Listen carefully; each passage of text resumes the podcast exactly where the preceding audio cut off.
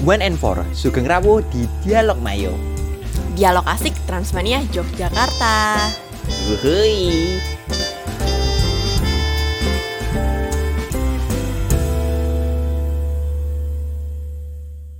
Halo Mapren semua, selamat datang kembali di podcast Dialog Mayo bersama Yohan dan Tami. Gimana nih kabar kalian? Semoga Mapren semua selalu dalam keadaan bahagia ya. Meskipun rasanya hari demi hari tantangannya makin menantang ya buat dihadapi. But it's okay. Karena minggu ini di episode yang ke-10 kita punya topik yang sangat menarik buat Mapren semua loh. Wah, topik menarik apa nih hari ini? Jadi, topik kita hari ini berkaitan sama yang namanya kesehatan mental, Mapren. Dan kayaknya bisa banget ngebantu Mapren semua yang ngejalanin hari-hari yang rasanya sulit buat dihadapi. Mesti udah pada penasaran ya? Nah, langsung aja aku spill nih. Jadi, hari ini kita bakal ngebahas yang namanya quarter life crisis. Yang rasanya sering banget ya dihadapi oleh kita-kita yang berusia 18 sampai 30 tahun.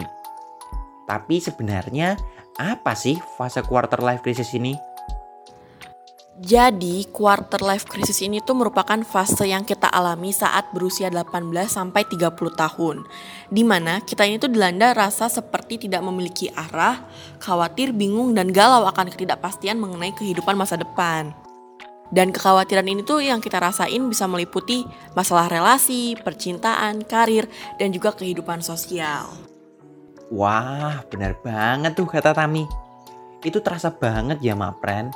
Bahkan nggak sedikit loh dari kita yang ngerasa sampai depresi, stres, bahkan nggak semangat dalam ngejalanin hari. Selain itu, kita juga kerap banget mempertanyakan eksistensi diri. Bahkan kadang ngerasa kalau diri kita itu nggak memiliki tujuan hidup. Maka dari itu Han, quarter life crisis ini tuh perlu ditangani secara bijak, terlebih di saat pandemi ini nih. Yap, benar banget tuh kata Tami. Oh ya Tam, menurut kamu ada nggak sih hubungannya antara masa pandemi ini sama kesehatan mental? Menurutku sih pasti ada ya kaitannya. Dan ternyata nih ya Han, menurut survei WHO, diketahui banyak negara yang melaporkan peningkatan akses terhadap pelayanan kesehatan mental. Jadi COVID-19 ini tuh ternyata juga memberi dampak pada kesehatan mental juga loh Mapren. Wah, ternyata ada hubungannya ya. Berarti kalau kayak gitu kita harus banget ekstra hati-hati. Soalnya kan bisa jadi ya, karena adanya pembatasan aktivitas ini, kita kan komunikasinya jadi berkurang sama orang lain. Terus dengan gak ada kontak fisik, ternyata bikin kita itu ya makin ngerasa kurang aja. Bisa jadi hal ini berdampak banget loh Mapren buat kesehatan mental tiap orang. Terus kadang juga kan kalau situasi kayak gini kita kerap banget ya yang nemuin namanya mood swing stres sama kerjaan atau sama kita kurang lebih gitu kan ya Tam? Betul. Dan apalagi nih lebih parahnya kalau sampai terjadinya bunuh diri. Karena hal ini tuh udah terjadi di Jepang. Bahkan di Jepang itu tuh angka bunuh diri tahun 2020 meningkat untuk pertama kalinya dalam 11 tahun terakhir. Serem banget gak sih Han? Waduh, serem banget ya Tam kalau kayak gitu udah sampai sebegitu bahayanya loh. Tapi justru dari sini ya kita jadi tahu loh Mapren kalau ternyata nggak cuma kesehatan fisik yang penting bagi kita, tapi kesehatan mental juga penting lagi. Pakai banget. Ya nggak Tam? Yap banget dong. Jadi kesehatan fisik dan mental itu harus seimbang ya Mapren. Bener Mapren. Tapi Tam, Ternyata selain kasus bunuh diri yang meningkat selama pandemi, contohnya tadi yang kamu bilang di Jepang, ternyata peningkatan pasien di rumah sakit jiwa juga makin banyak loh. Aku kasih contoh ya. Seperti yang terjadi di rumah sakit jiwa yang ada di daerah Jawa Barat. Sampai bulan September tahun lalu tercatat ada 112 pasien yang ditangani RSJ tersebut loh. Kan banyak banget ya itu orang yang uh, mungkin karena pandemi ini menjadi ada masalah dengan kesehatan mentalnya. Ternyata ya itu tadi pandemi ini begitu mempengaruhi kesehatan mental tiap orang loh. Waduh, banyak banget ya. Dan kayaknya sih itu bisa terjadi karena tekanan psikologis yang berat ya. Atau bisa juga karena banyaknya jumlah kasus kematian COVID-19. Atau bisa juga sih gara-gara belum ada kejelasan tentang informasi berakhirnya pandemi ini nih. Dan hal itu tuh bisa bikin masyarakat jadi overthinking, bahkan sampai stres. Aduh, ngeri juga ya Mapren. Emang sih, di masa pandemi ini kita harus ekstra berhati-hati Gak heran juga ya kalau karena pandemi ini banyak orang yang ngeluh capek, stres, dan mungkin emosi-emosi negatif gitu. Iya Han, jadi mapren kalau ada teman atau keluarga kalian lagi ngeluh capek atau stres jangan dimarahin, tapi didengerin. Karena hal itu bisa mencegah terganggunya kesehatan mental. Wah, cakep banget tuh Tam penjelasannya. Kayak yang udah kita bahas di awal tadi. Kasus bunuh diri saat pandemi emang jadi makin banyak loh Mapren.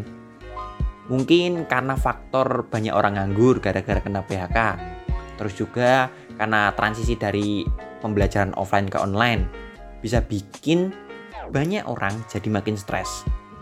Situasi kayak gini emang butuh banget yang namanya penyesuaian. Apalagi semua kan juga terjadi secara mendadak. Bener banget Tuhan, dan aku juga mau ngingetin nih buat Yohan berserta Mapren semua. Apaan tuh Tam? kalau intinya nih kita semua tuh sebenarnya punya porsi atau tingkatan permasalahannya masing-masing. Jadi kita nggak bisa tuh ngebandingin masalah kita dengan masalah orang lain karena kemampuan orang kan beda-beda ya ma friend. So jadi daripada kita sibuk membanding-bandingkan masalah kita, mending kita saling support aja. Ya gak sih Han? Iya dong Tam. Aku satu suara nih sama kamu. Emang setiap tingkat masalah yang kita hadapin itu beda-beda Tentunya juga beda juga buat nyelesain tiap masalah yang kita hadapin. Pokoknya tetap semangat buat Johan dan Mapren beserta pokoknya kita semua deh harus semangat. Nah Tam, kalau tadi kan kamu ngasih tahu aku dan Mapren semua kasus yang ada di Jepang ya. Tapi menurut WHO juga di Indonesia kasus bunuh diri juga meningkat loh. Kalau di Indonesia berapa parahnya sih Han? Nah, kalau di Indonesia sendiri, WHO meramalkan kalau pada tahun 2020 yang lalu, tingkat bunuh diri di Indonesia secara global meningkat jadi 2,4 persen per 100 ribu jiwa. Nggak cuma itu, diperkirakan juga jumlah kematian akibat bunuh diri di Indonesia juga meningkat jadi 1.800 kasus per tahun. Bahkan sampai 1000 loh. Dan persentase kematian tertinggi ini juga ada di kisaran umur 20 sampai 29 tahun loh Tam. Kan umur-umur kita ya, umur segitu itu. Waduh, jadi kelompok umur 20 sampai 29 tahun itu tuh kasus bunuh dirinya jauh lebih tinggi banget ya. Dan kita pun juga lagi ada di umur kisaran segitu nih. Tapi emang sih Han, di umur 20 sampai 29 tahun itu tuh tuntutannya banyak banget yang harus kita hadapi. Namun tentunya kita juga harus bisa mengontrol pikiran, perbuatan, dan hati juga nih Mapren. Setuju banget Tam. Kita emang harus pinter-pinter ngontrol diri dari hal-hal negatif.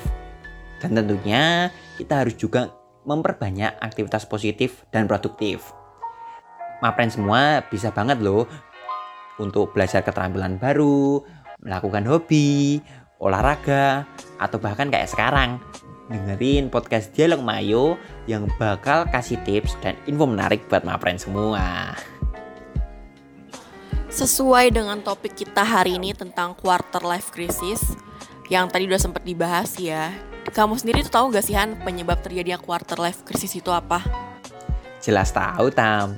Aku kan dikit-dikit udah pernah belajar soal quarter life crisis. Jadi, munculnya quarter life crisis ini biasanya dimulai kalau ada masalah orang dewasa yang muncul di hidup seorang remaja. Ada beberapa kondisi yang sering memicu terjadinya quarter life crisis. Contohnya, karena mengalami masalah pekerjaan atau finansial, kadang sampai bikin lembur terus nggak tidur. Terus ngejalanin hidup mandiri untuk pertama kali, yang biasanya dulu dibantu sama orang tua, sekarang harus ngejalanin apa-apa sendiri. Bisa juga karena ngalamin putus cinta setelah ngejalanin hubungan yang serius sekian lama. Terakhir bisa juga ya, karena kita itu ngerasa iri dengan teman sebaya yang udah lebih sukses daripada kita. Kadang jadi tekanan mental sih kalau kayak gitu. Aduh, banyak banget ya penyebabnya, bahkan bisa dari internal maupun eksternal diri kita pribadi nih. Nah, Mapren, dengan taunya kita tentang penyebab-penyebab stres di awal kedewasaan, kita bisa lebih mengontrol diri ya, terutama pada kasus di atas, supaya kita bisa lebih terarah. Yap, bener Tam. Oh iya, dari penjelasan tadi itu aku ngerasa loh, mungkin beberapa mapren ada yang lagi di fase quarter life crisis ini. Tapi barangkali ya, mapren nggak sadar kalau lagi ada di fase ini. Iya tuh bener banget dan takutnya jadi stres gara-gara Mapren gak tahu kalau lagi di fase ini. Tapi tenang aja Mapren, quarter life crisis ini tuh ada tanda-tandanya kok. Kasih tahu dong ha, tanda-tandanya apa aja. Oke, siap. Jadi, tanda-tanda quarter life crisis ini di antaranya merasa kurang motivasi dan merasa gagal. Bisa juga karena sering merasa cemas, terus gelisah tentang masa depan Lalu karena merasa tertinggal atas pencapaian teman-teman. Serta bisa juga karena takut keluar dari yang namanya zona nyaman. Nah, itu dia Mapren, tanda-tanda quarter life crisis. Buat Mapren yang mungkin udah ngerasa, oh ini aku rasa ini, jangan langsung panik ya Mapren. Benar banget tuh Mapren, jangan panik. Relax, tarik nafas, hembuskan. Perlu diingat juga ya Mapren, kalau quarter life crisis ini hal yang wajar. Jadi Mapren itu harus yakin kalau pasti bisa ngelewatinya. Tuh Mapren pasti bisa ngelewatinya. Caranya gimana sih? Caranya ada tiga nih. Yang pertama, berhenti membandingkan diri kita dengan orang lain. Jadi daripada kita mikirin hidup orang lain terus, mending mulai cari tahu apa minat dan bakat hidup kita. Apa yang akan jadi target hidup kita dan karena itu kita akan lebih bisa menghargai diri kita sendiri dan kita juga jadi tahu nih proses tiap orang itu tuh berbeda-beda. Terus yang kedua itu kejar impian dan buat rencana untuk mewujudkannya. Jadi kalian tuh harus tahu dulu impian Mapren tuh apa gitu loh. Dan habis itu ditulis cara buat mewujudkannya. Tapi jangan cuma ditulis, dilaksanain juga. Nah, yang terakhir ini jangan mengikuti standar sosial karena standar sosial ini tuh bisa mempengaruhi kesehatan mental banget loh. Karena kayak tuntutan di sekitar orang tuh kayak oh kamu tuh udah umur segini loh udah waktunya harus nikah nih gitu-gitu gak usah dipikirin tapi dinikmatin aja prosesnya gitu wih mantep banget gak tuh my friend coba deh nanti aku nerapin beberapa saran dari Tami tadi. Karena aku juga emang ngerasa sih sekarang lagi ngalamin yang namanya quarter life crisis. Tapi tentunya tetap semangat ya my friend karena ini pasti bisa kita lewatin. Oke Mapren, gak berasa nih kita udah di ujung acara. Dan kita mau ingetin lagi kalau apa pun yang sedang Mapren hadapi Yakin, pasti Mapren bisa melaluinya. Yap, tetap semangat Mapren Dan juga kita mau ngingetin loh kalau pandemi belum berakhir. Jadi tetap jaga protokol kesehatan dengan memakai masker, mencuci tangan, dan juga menjaga jarak. Akhir kata, aku Yohan. Dan aku Tami, pamit undur diri. Sampai jumpa di lain hari bersama podcast Dialog Mayo yang bakal terus hadir tiap hari Sabtu jam 16 WIB. Tentunya hanya di sosial media Spotify Dialog Mayo dan Instagram Transmania underscore YK. Jangan lupa buat mapren semua wajib hukumnya untuk follow Instagram kita di @transmania underscore YK. Buat yang pengen tanya-tanya atau kasih saran pembahasan podcast selanjutnya, bisa banget nih langsung komen di postingan IG kita atau kalau malu bisa langsung via DM di @transmania underscore YK ya ma friend. Yap, benar banget. Akhir kata sekian dari aku dan Tami. See you ma friend di podcast Dialog Mayo selanjutnya. See you ma friend. Time is over.